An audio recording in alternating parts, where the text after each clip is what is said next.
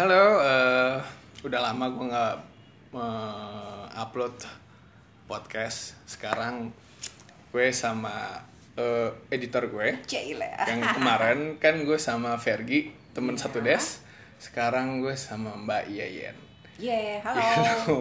Eh, hari ini kita mau ngomongin actually pekerjaan kita pekerjaan profesi kita gitu sebagai seorang penulis geopolitik internasional, geopolitik dan ekonomi internasional. Mhm, Sebenarnya kalau menurut gue kan banyak yang lihat kalau itu pekerjaan yang gampang Tinggal ya. terjemahin. Nah, tinggal Lu pakai terjemahin. Google Translate ala pala Eh, gitu, iya, kacau banget. Kacau banget. Nah, sebenarnya itu pekerjaan yang sangat eh, membutuhkan banyak wawasan pertama. Iya. Dan lu harus punya analisis metodologi di kepala lo karena itu pekerjaan yang hermeneutik gitu ya, kayak Iya. analisis gitu. Mhm. Misalnya kayak kalau kita datang ke sebuah konferensi pers kayak kemarin Indonesian Aid misalnya. Iya. Indonesia bikin sebuah organisasi lembaga bantuan internasional misalnya.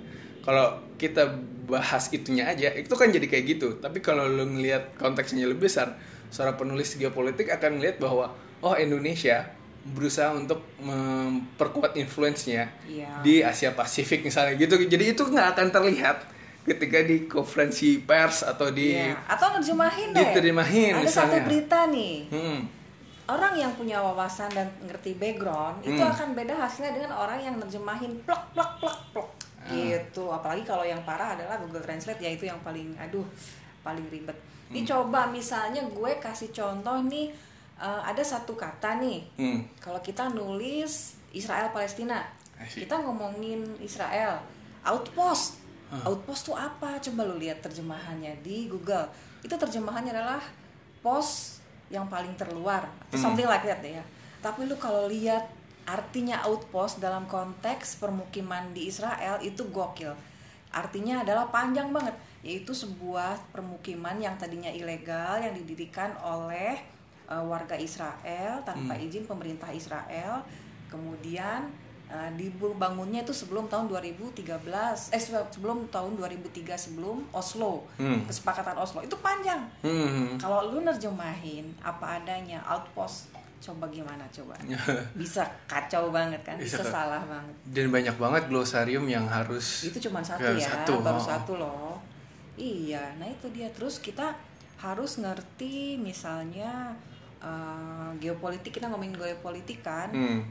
Kita ngomongin tokoh nih, misalnya Morales, Evo Morales dari Hmm. Bolivia. Kita bilang, kita nerjemahin. nggak bisa gitu Hmm. doang. Lu harus tahu.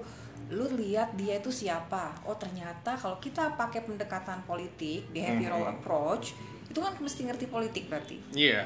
dia tuh siapa, bagaimana influence-nya, dampaknya apa. Ternyata dia tuh pemimpin uh, yang berasal dari suku adat pertama Ah, di iya. negara dia. bumi itu pertama. kulit- Iya, sebelumnya Iya. kulit putih semua. The white white ya. Iya. Kolonial.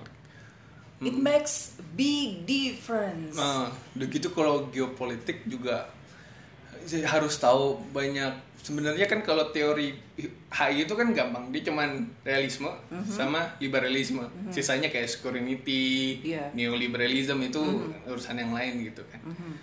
Tapi itu artinya bahwa lu juga tetap harus tahu baca teorinya karena Iya, iya. beda sama pos-pos yang lain beda sama des-des yang lain oke lu cuma bisa menulis stories gitu Iya, iya. dia penulisan apa ya Background pokoknya enggak Hmm. se orang pikir juga gini.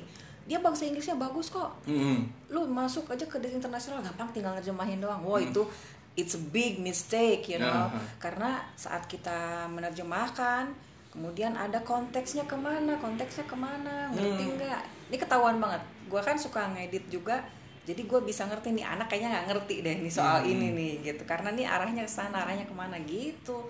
Jadi bahasa Inggris aja nggak bisa cukup. Hmm. Ngerti HI doang juga nggak cukup. Ya. Jadi ternyata apa? Harus dikombin dua-duanya. Nah itu Hmm. gokil ya. Tidak semudah yang dikelihatan dari luar ternyata gitu. Jadi kalau menurut lu Mbak, apa sih yang harus dipelajarin buat jadi seorang penulis geopolitik? Nomor satu banget bahasa. Mhm. Penguasaan bahasa karena lo di situ akan main soal idiom, Mhm. soal eh, konteks. Eh, kayak kita pernah ngomong, inget nggak point of order? Hmm. Point of order ternyata kalau diterjemahin apa tuh kata per kata nggak bisa ternyata Nggak bisa. apa ini konteksnya adalah eh, dalam sebuah rapat sidang point of order tuh ternyata inpu- interupsi interupsi yang apa apa bla bla itu loh. Nah itu bahasa ya nomor satu bahasa. Bahasa Inggris sudah pasti karena kita sumbernya bahasa Inggris kan selama ini. Yang kedua adalah bahasa Indonesia jangan salah. Ini di des ini kalau lu nulis tentang internasional itu lu belajar bahasa tuh digodok banget. Gimana caranya lu dapetin yang uh, pas diksinya. Misalnya kayak gini uh, I think I don't like it kan nggak nggak diterjemahin menurut uh, saya pikir saya tidak menyukainya. Itu kaku banget. Orang Indonesia nggak ngomong begitu gitu. Hmm. kita ngomong kayaknya saya nggak suka deh. Kan gitu kan terjemahannya. Turn off the table artinya kan nggak dipertimbangkan atau Iya. nggak dinegosiasikan lagi gitu Iya, misalnya. iya.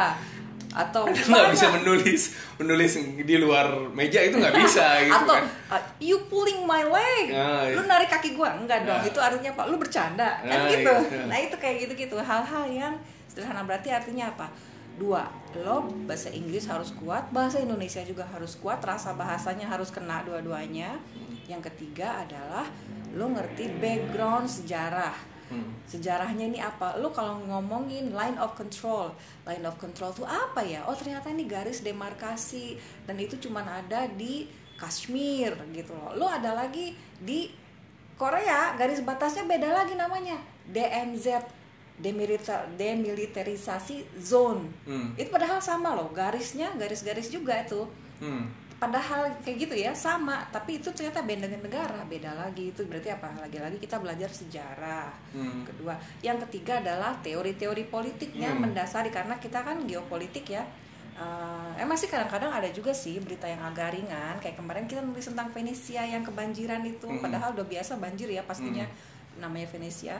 Terus ini kalau kita ngomongin politik lo harus tahu tentang eh, teori-teori politik. Misalnya saat kita ngomongin uh, Bolivia nih, lu harus tahu sistem politik menurut David Easton. Hmm. Ada aktor politik, pressure group, kemudian lingkungan, output, uh, input. Betul. Nah kan, kayak gitu kan. Gampang gak sih sebenarnya? Enggak ya? Enggak, enggak selalu gampang buat banyak orang. Udah gitu kemarin kayak kayak misalnya apalagi kalau negara-negara maju kalau pejabat-pejabat publik itu kan biasanya pinter-pinter ya. Nah, Nah, terus dia. ketika mereka ngomong ya sekarang udah nggak zaman lagi Francis Fukuyama dan itu berhenti gitu aja. Iya. Dan lo juga harus tahu itu Francis Fukuyama ngomongin Siapa? apa, iya siapa, bukunya apa, kenapa Iya. dia jadi ngomongin itu, terus Iya, iya. mau nggak mau harus baca gitu. Iya betul banget. Jadi gue jadi inget buku gue yang kena rayap tuh si Francis Fukuyama ya. The end of the story. Iya, the iya. end of the story. Jadi kayak begitu memang. Atau mungkin kita ngomong, eh, ih kayak Samuel Huntington nih gitu. Hmm. Aduh ngomongin apa ya? The Clash of Civilization. Civilization itu yang paling uh, sangat paramount ya karya dia yang paling ini. Jadi kontroversial juga sih. Iya. Ya. Jadi di situlah ternyata seninya. Jadi saat lo nul baca baca Hmm. berita yang sepotong kecil itu, lu jangan berpikir ah, ini cuma terjemahan kecil. Dan jangan lupa juga sumber yang kita ambil itu adalah banyak sekali, Hmm. lebih dari satu, bisa dua, tiga, empat, lima, ya nggak sih? Hmm. Gitu. Menurut lu kan sekarang ya namanya globalisasi bebas gitu semua orang bisa masukin Iya. informasi. Mhm. Signifikansi apa sih profesi kita sebagai penulis geopolitik internasional gitu? Iya kita sebagai uh, media mainstream terutama ya Mhm. Untuk mengklarifikasi kalau ada hoax, kalau ada orang yang menerjemahkan ternyata di luar pakem. Hmm. Kita jadi mengarahkan, eh yang bener tuh ini. Hmm. Lu nerjemahin uh, menangkapnya itu bukan ke sana, bukan ke sana tapi ke sini. Yang bener gini. Dan kita punya sumbernya. Makanya kalau menurut gue, Hmm. kita nih karena punya institusi di media resmi mainstream uh, kita itu jadi kayak apa ya kayak guidance ya bikin Mhm. guidance kayak bikin juga uh, apa ya patokan. Dan kita tuh sebenarnya kita riset tiap hari. Hmm. lu sebelum bikin berita satu aja lu harus baca sumber berita banyak kan. Jangan-jangan yang ini menurut dia salah jangan-jangan yang ini gini kayak gitu. Jadi sebetulnya small research ya. Hmm. tiap satu berita yang kita bikin itu seperti riset-riset kecil seperti skripsi skripsi skripsi kecil buat Makai gue. makalah lah gitu. iya menurut gue. Karena kita nih backgroundnya apa? Oh baca dulu sebelum jadi tulisan kecil itu gitu Hmm. belum lagi kalau kita wawancara orang Mhm. wawancaranya kalau presiden perdana menteri itu triknya banyak lagi Ya itu banyak protokolernya. aduh ha, protokoler belum lagi bahasa Ah. belum lagi lu nanggep dan nomor satu juga lu harus connect relate Hmm. dengan si narasumber gimana itu cerita ntar ya kayaknya kapan-kapan ya Oh, Iya. Gitu. Tapi- Tapi iya pekerjaan ini nggak nggak semudah yang dibayangkan orang. enggak Oh, enggak. orang bilang cuma nerjemahin doang Nah. gampang di des internasional cuma nerjemahin doang oh enggak bener salah banget itu Hmm. gitu Jadi sebenarnya eh ya kita nggak cuma bikin guidance aja kan, maksudnya. Oh, kalau Jadi- bisa uh, itu untuk yang penulis lain ya Hmm. nah untuk masyarakat ternyata gini loh di Republika Online itu kan banyak ternyata pem- peminatnya luar biasa tinggi ya untuk berita Hmm. internasional. Rupanya itu seperti jendela buat orang Hmm. tuh. Lu seperti ngelihat jendela keluar lu biasa tinggal di luar eh, di dalam rumah dan berita internasional itu adalah seperti jendela yang lu bisa ngelihat ke tempat yang jauh seperti apa eh, apa yang terjadi di luar sana. Nah gitu. Kita yang jadi jendelanya. Ya kan sekarang jadi gini, kan ketika orang gampang banget menyebar informasi, Iya. takutnya eh, pemahaman yang pemahaman ini jadi berubah beda gitu. Iya. Misalnya kayak masalah Rohingya atau Iya. Palestina atau Mm-mm. apa. Ketika itu berita disebar ke sini, takutnya kan jadi apa ya?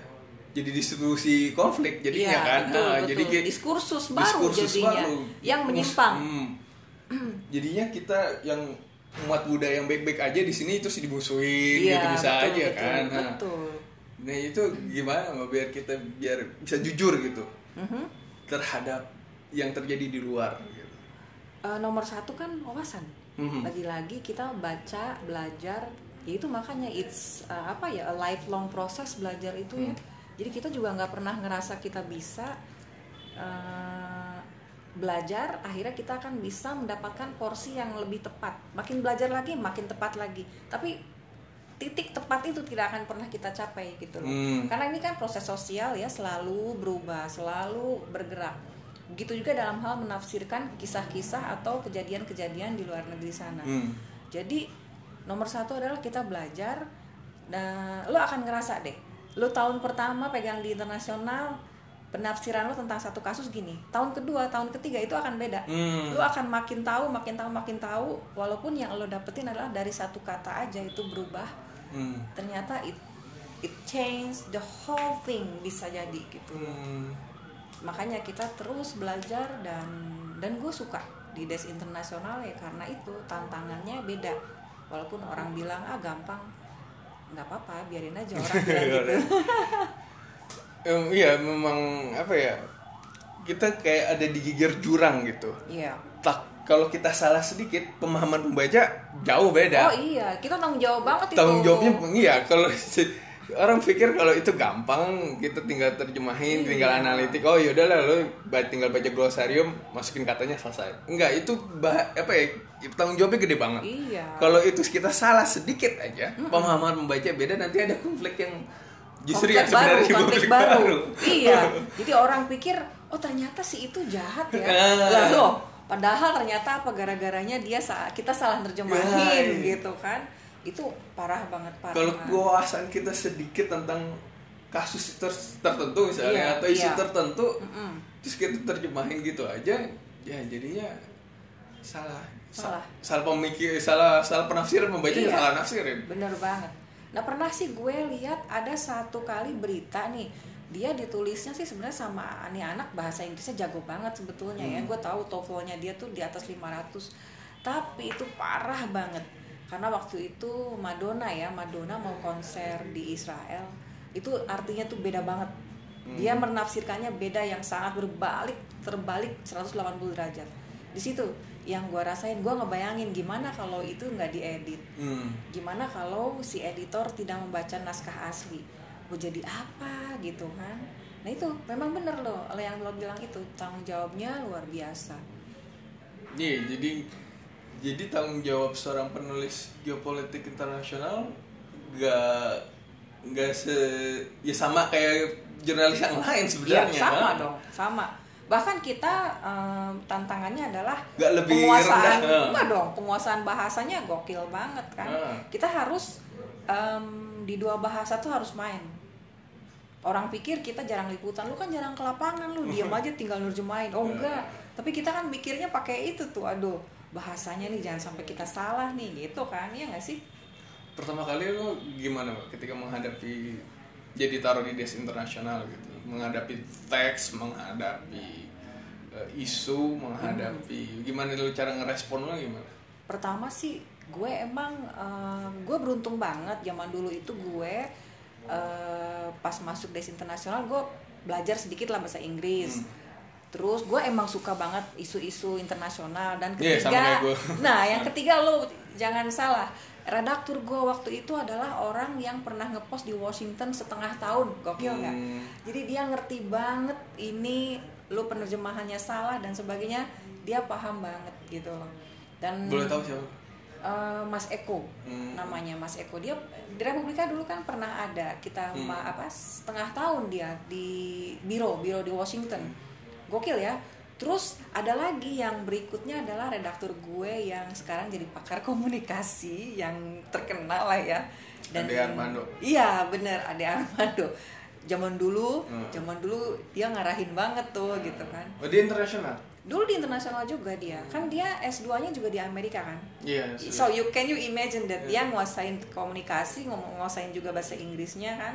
Hmm. Jadi lu tuh uh, kayak working under microscope gitu loh. Hmm. Lu salah lu ketahuan gitu loh. Jadi itu menurut gue gue beruntung banget dan gue dikasih kepercayaan untuk liputan-liputan yang menurut gue itu bikin gue makin belajar, belajar, belajar, belajar. Tapi ada satu hal yang gue inget banget gue bikin salah, gue nerjemahin salah dan itu sampai sekarang gue inget.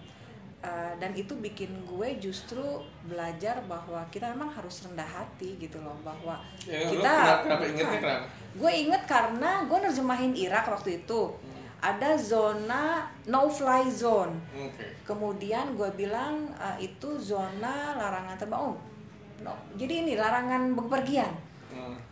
Nah, gue menerjemahkannya zona larangan terbang. Padahal zona larangan terbang itu udah berlaku sebelumnya dari beberapa waktu sebelumnya. Hmm. Sementara itu, yang benar adalah para pejabat Irak udah nggak boleh lagi keluar negeri.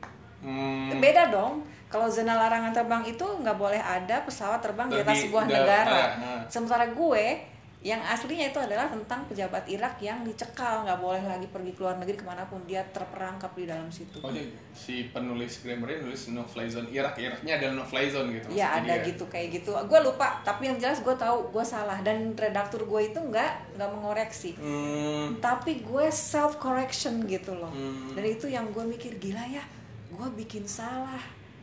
Jangan-jangan gue banyak juga bikin salah yang lainnya yang Mhm. gue nggak tahu.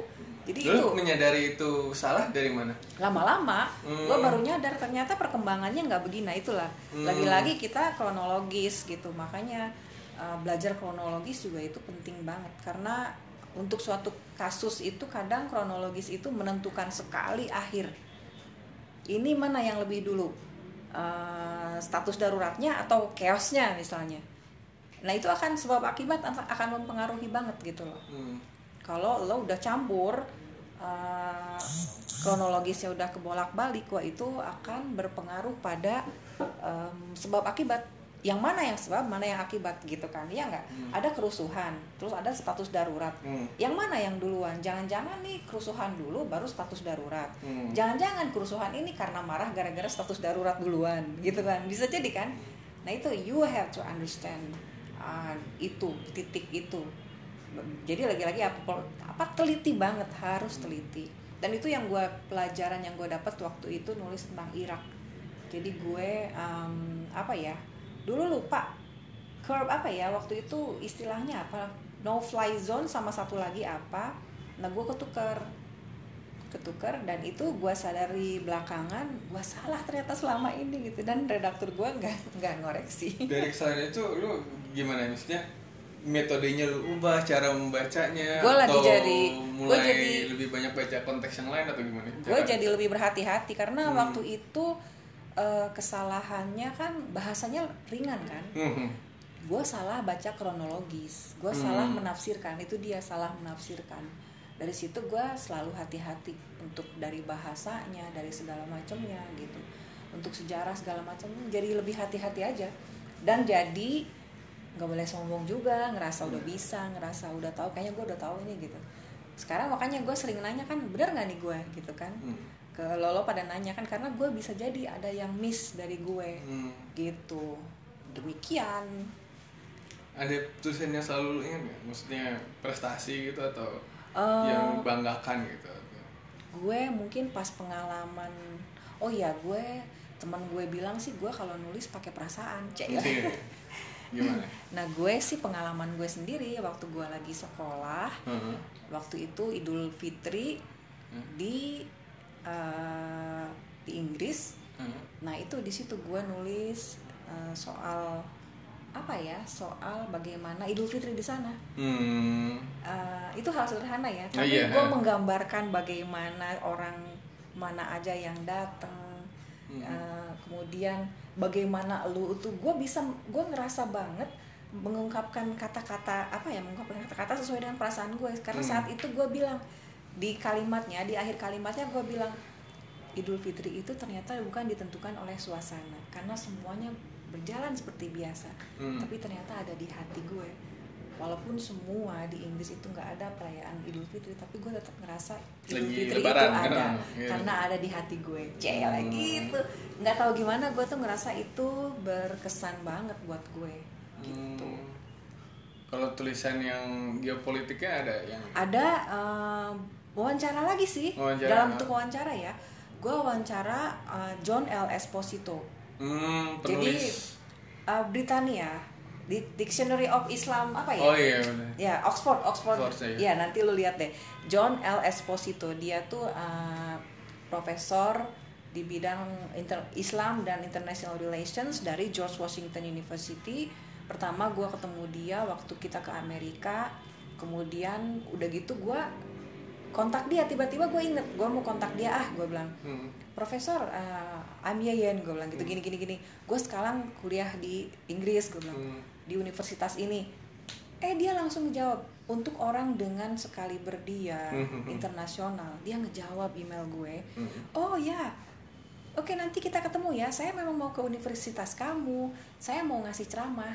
Dan begitu ketemu, gue bilang, Profesor ini Yayen. Dia bilang, oh ya, she's my friend katanya gitu. Hmm. Dia bilang ke temennya gitu Hmm. jadi panitia nggak bisa ngapa-ngapain Hmm. panitia akhirnya nyerah karena gue minta wawancara kan Hmm. itu bener itu Hmm. di situ gue belajar lagi hal yang lain adalah apa rendah hati gue Hmm. ngelihat seorang profesor dengan kaliber yang luar biasa dia rendah hati satu lagi pas dia ke Indonesia Hmm. gue minta lagi wawancara dia dan dia masih tetap masih tetap dia menerima welcome dia mau ke karena waktunya sempit Hmm. dia kan mau wawancara terus eh, ke ke bandara Hmm. gue satu mobil sama dia gue duduk di sebelahnya Hmm. gitu kalau pengalaman wawancara sih selain dia mungkin ada beberapa sih ya yang pertama banget tuh waktu perdana menteri Inggris Tony Blair Hmm. Tony Blair waktu itu waduh itu yang pertama kalinya gue wawancara seorang kepala pemerintahan. Hmm. dan itu menurut gue gue berkesan banget karena kita ngobrol oke you have 10 minutes katanya. Hmm. sementara orang ngelilingin gue. Terus sampai ditawarin perlu penerjemah nggak? katanya. Hmm. waduh kerjaan lagi tuh kan. Gue udah langsung ngeper tuh kalau ditawarin kayak gitu berarti ini orang nggak percaya sama bahasa Inggris gue kan? Hmm. tapi eh, nggak apa-apa deh saya akan coba gue bilang gitu dan udah akhirnya jalan Hmm. untungnya jalan lancar gitu dan itu jadi apa ya pengalaman gue gue belajar bahwa oh ya gue ternyata bisa dan uh, gue nggak boleh takut gitu Hmm. walaupun tiap mewawancara orang-orang penting kita selalu takut deg-degan dan sebagainya itu wajar kan Hmm. cuman itu pengalaman gue yang pertama banget karena gue mikir ini Tony Blair ini yang selalu gue gue lihat di TV doang gitu Uh, ternyata gue bisa hadap-hadapan bareng dia dan gue ngasih kenang-kenangan dari kantor juga ke dia dan dia bengong kaget ngelihat lukisan dia lihat kutipan kebetulan waktu itu kutipannya hadis Nabi ya Hmm. tentang bahwa sedekah senyum itu sedekah Hmm. dia kaget zaman dulu terorisme loh orang Oh. cuman kenal Islam teroris Hmm. lah ternyata di Islam uh, senyum aja ibadah itu dia kaget itu kata nabinya orang Islam gitu Hmm. kan kayak gitu.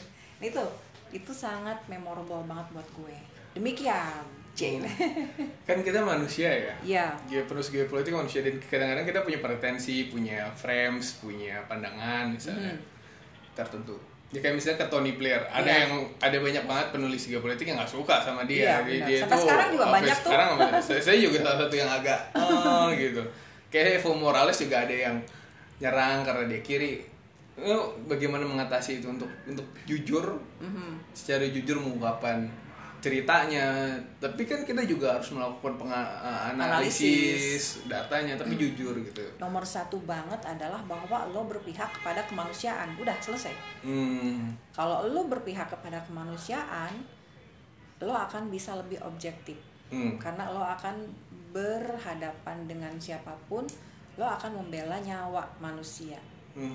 Hmm, hak manusia itu itu Hmm. yang menurut gua paling penting sama kayak kita ngomongin Israel Palestina ada Hmm. orang bilang nih konflik agama dan sebagainya bentar kita lihat kemanusiaannya Hmm. lu ngomongin Rohingya bentar kita nih lihat kemanusiaannya lu ngomongin Xinjiang Uighur kita juga ngelihat kemanusiaannya. Hmm. Uh, bukan soal separatisnya kan gitu. Kita Hmm. nggak bakalan bela separatis di negara orang karena jangan-jangan di negara kita sendiri ntar ada masalah kayak gitu nggak mau dong. Iya. ini kita selalu pada sisi kemanusiaan. Itu aman deh. Lo akan lebih objektif dan lo akan membela orang yang lebih berpihak pada kemanusiaan. Itu aja. Hmm. gitu. Tapi kan misalnya kayak beberapa gejolak politik tuh sangat ya itu berhubungan sama kemanusiaan kayak Hong Kong misalnya iya itu secara kan ada brutality police brutality kayak gitu Mhm. misalnya tapi kan kita juga nggak bisa lepas lepas Dari ah, pihak. tangan kalau buat itu adalah pihak pihak yang mana gitu Iya, misalnya kayak kanan gitu kan Iya. atau Nah, lo kan lihat di Ah. Hong Kong, lu berpihak pada kemanusiaan dan kebenaran, lu bilang polisinya begini, Hmm. tapi jangan lupa pengunjuk rasanya juga nyiapin bom molotov. Oh, Nah, itu selalu yang kita selalu dua-duanya itu selalu kita uh, ikutin. Jadi kalau di liputan-liputan biasa kan kita selalu cover both sides ya. Mhm. di internasional juga gitu. Kita lihat di pihak ini gimana di pihak mana ma- gimana. Terus ambil dari sumber yang berbeda-beda Eh, bener nggak nih? Confirm nggak nih apa yang terjadi seperti ini? Gitu Lu punya ini nggak punya eh, penulis favorit misalnya kayak Thomas L. Friedman juga nulis tentang Olive Tree, eh, Olive Tree ya. Terus Hmm. eh, iya kayak Samuel Huntington atau Robert Kaplan punya. gue lebih suka sebetulnya eh, ya John L Esposito ya Mhm. ada satu dia sebetulnya bukan nulis sih jadi waktu itu buku yang paling gue suka dan gue cintai adalah uh, With God on Our on Our Side Hmm. itu kompilasi sebetulnya Hmm. penulis-penulis Barat penulis juga ada Middle East juga jadi penulis-penulis itu uh, ada pengantarnya dari John L Esposito Hmm. Nah itu itu buku favorit gue, isinya banyak macem-macem. Karena gue kaget ternyata bagaimana orang-orang Barat mem, mem- apa ya uh, memotret atau melihat isu Israel Palestina ternyata tidak seperti yang kita lihat selama ini, Hmm. gitu. Yang kita lihat, oh ternyata nih objektif buku ini isinya, gitu loh. Hmm. Dan itu kena banget, nonjok banget with God on our side gitu. Jadi seolah-olah apa? Ada banyak orang di dunia ini yang mengatakan bahwa Tuhan ada di pihak gue. Jadi Mhm. gue bisa berbuat apa aja. Iya. Nah itu, itu nonjok banget kan. Uh, Hmm. Dan itu adalah orang-orang yang merasa dirinya benar. Hmm. Padahal mereka bukan kebenaran itu sendiri kan, iya nggak sih? Hmm. Gitu. Jadi memang uh, kalau penulis yang favorit banget mungkin gue ada Kathleen Christensen, dia nulis juga tentang Israel Palestina juga, khususnya tentang media. Hmm. Media bagaimana media memotret itu. Kemudian Edward Said, oke? Ya, Edward Gue Said ya. Ah, Edward Said juga. Ya, uh, dia kan Oh, jadi punya buku yang khusus membahas media meliput tentang Israel Palestina apa ya? The Covering of Islam ya. covering. Oh iya, Iya, ya Covering of Islam. yang eh, depannya lagi ini ya. Lagi lempar batu. Iya bener. ke- Lagi ngelempar batu atau lagi jongkok gitu Iya. kan? Iya nggak sih? Edward Said ya? Bukan. Itu Edward Said. Edward Said Hmm. ya. Benar. nah itu ada beberapa buku uh, yang yang yang gue suka itu tapi yang gue suka banget yaitu With God on Our Side itu nonjok banget dan bukunya memang karena chapternya sedikit-sedikit ya dan penulisnya banyak kompilasi. Sayangnya itu hilang. Di PDF ada mana oh iya.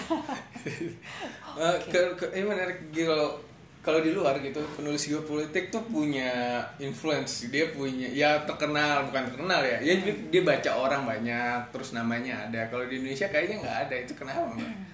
Karena pertama memang tradisi membaca kita mungkin beda dengan di luar. Hmm. ya nggak sih? Itu harus diakui Ke- kedua adalah itu jauh karena itu jauh jadi eh, level kita adalah em, bagaimana kita membudayakan membaca dulu Hmm. kemudian akan tertarik pada kehidupan di dunia lain Hmm. Nah, otomatis tentu akan akan seperti itu kan, seperti apa menarik perhatian juga kan? Iya, Iya nggak? iya, eh, boleh. gue lupa. Ada lagi satu Norman Finkelstein. Hmm. Norman Finkelstein itu juga sangat sangat eh, luar biasa. Hmm. Karena nih, ini gue belajar dari dia bagaimana dia ayahnya orang tuanya itu kan eh, menderita di ghetto Hmm. gitu uh, sebagai seorang Yahudi. Tetapi dia menulis dengan begitu penuh kritikan kepada Zionism. Hmm. Gitu, dia memotret Holocaust, bagaimana Zionism itu seperti apa. Jadi gue belajar sesuatu dari dia, bagaimana dia bisa bersikap objektif tentang uh, Holocaust dan Zionism Hmm. gitu. Itu gue juga belajar sesuatu dari dia itu. Ya mungkin budaya sih nomor satu. Tapi gue rasa lama-lama kita akan semakin banyak ini kok. Semakin banyak apa ya gue tetap semangat bahwa suatu hari kita akan uh, semakin tinggi tradisi membaca kita semakin banyak uh, itu budaya membaca kita Kalau gue kan mm, nggak punya, eh gue nggak tahu nggak ada tahu akses datanya gitu. Sebenarnya kalau pen- pembaca kalau kedua di kita sendiri kantor kita sendiri gimana sih pembaca internasional tuh punya?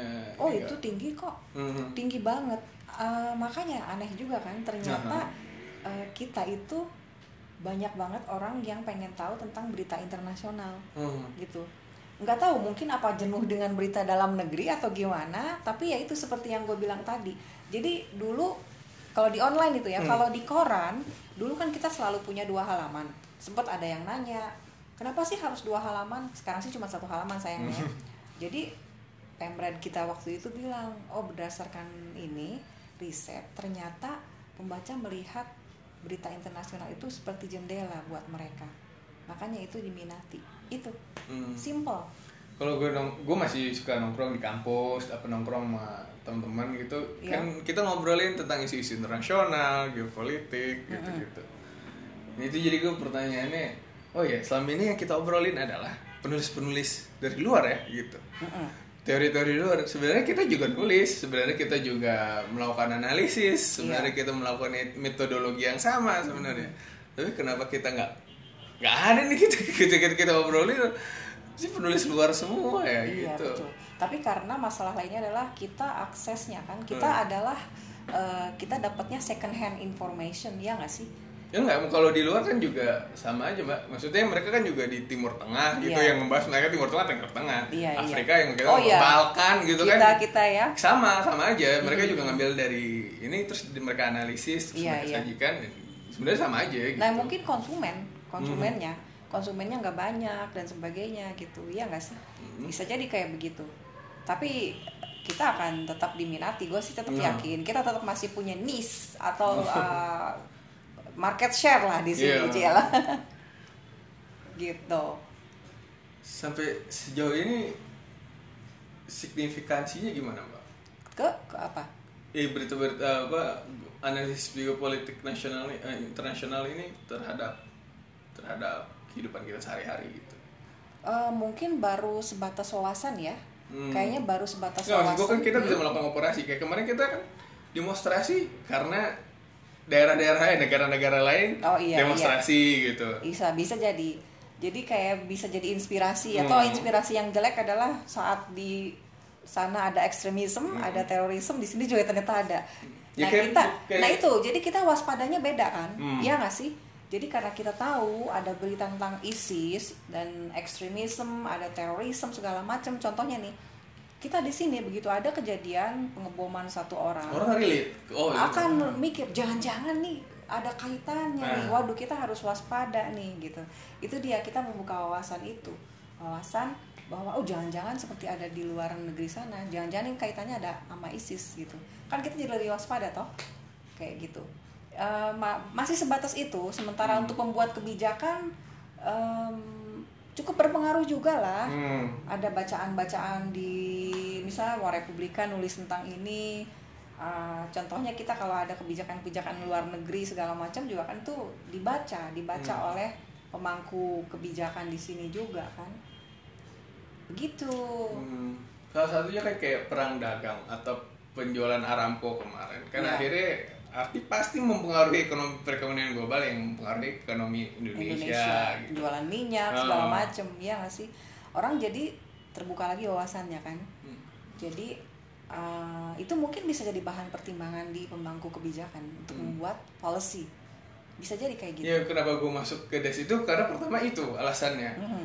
Gue minta untuk ada di DES ini karena eh sebenarnya bahwa berita-berita yang di internasional itu mempengaruhi hidup kita loh. iya Banget gitu loh. banget. Banget. Jadi kayak misalnya kebijakan orang di Wall Street itu akan mempengaruhi ke apa kehidupan or, pedagang ayam di Ciawi misalnya. Iya iya. Banget gitu. Mhm. dan kalau kita nggak berusaha keras buat menyajikan itu Iya. secara baik secara secara apa ya ya dikemas dengan baik dan orang bisa mengerti dengan baik iya. sayang aja gitu. Iya, padahal kan nasibnya dia itu Iya. berpengaruh juga gitu. Benar jadi kan kayak yang gue bilang kalau teori uh, jurnalisme itu kan kalau kita bikin teori ada 5W 1H Hmm. sebetulnya ada satu pertanyaan satu poin lagi yang Hmm. orang kadang sering lupa so what Hmm. itu pertanyaan itu jadi gue dapet ini waktu gue pelatihan di Reuters ya dulu Hmm. di uh, di London juga Hmm. waktu itu orang sering 5W 1H selesai tapi ada satu lagi so what so what-nya itu menjawab how to relate berita ini dengan lo Hmm. gitu. Jadi kayak kayak gue bilang misalnya atau uh, meng- mengaitkan. 5W 1H tentang Evo Morales. Hmm. 5W 1H tentang lawannya yang sekarang jadi presiden. Terus gue gue bilang kan jangan lupa ya sebut bahwa si lawannya ini sekarang adalah orang yang anti Morales anti Hmm. Evo Morales. Itu kenapa? Itu tuh how to relate untuk menjawab. Loh ini naik jadi presiden pengganti terus so what lu lihat dong dia adalah anti Morales Hmm. lu bisa baca dari kata anti Morales lu bisa lihat oh gila ini konflik ini Hmm. bakal panjang nih konflik gitu itu tergambar kayak Hmm. gitu iya nah itu satu ya how to relate ya Hmm. antara yang di internasional dengan di kita juga negara kita kayak gimana bener-bener banget itu Ya, jadi eh, ya pertama ya nggak segampang itu. ya Jadi seorang penulis geopolitik PR-nya internasional, banyak. PR-nya banyak, tanggung jawabnya berat. iya Terus- sama kayak des-des lain sebenarnya des-des lain. hitung apa meng- mengaitkan nyawa orang juga nyawa orang juga. Dan yang jelas yang kita tulis tuh relate. Iya. Relate ke masyarakat, relate ke individu, relate ke semua orang. ke negara Ke juga negara gitu, ke undang-undang. Hmm, Oke, sampai situ aja dulu. Nanti kita ngobrol-ngobrol lagi. Mudah-mudahan menginspirasi ya. Iya, mudah-mudahan menginspirasi untuk juga ikut jadi nulis, Ya. baca, Baca, geo- baca dulu. baca, Baca dulu, kita, baca kita ya. kita. baca kita. Karena menulisnya itu nggak nggak gampang gitu, butuh keringat dan air mata juga sebenarnya buat Iya nulis ya. bener Belum lagi kalau gue cerewetin Iya. ya Bukan begitu ya Jadi ya jadi coba baca aja dulu nanti kita bakal ngobrol-ngobrol lagi tentang banyak isu hal yang lain tentang geopolitik internasional. Oke, okay, thank you. Ya, yeah, bye-bye. Bye. -bye. bye.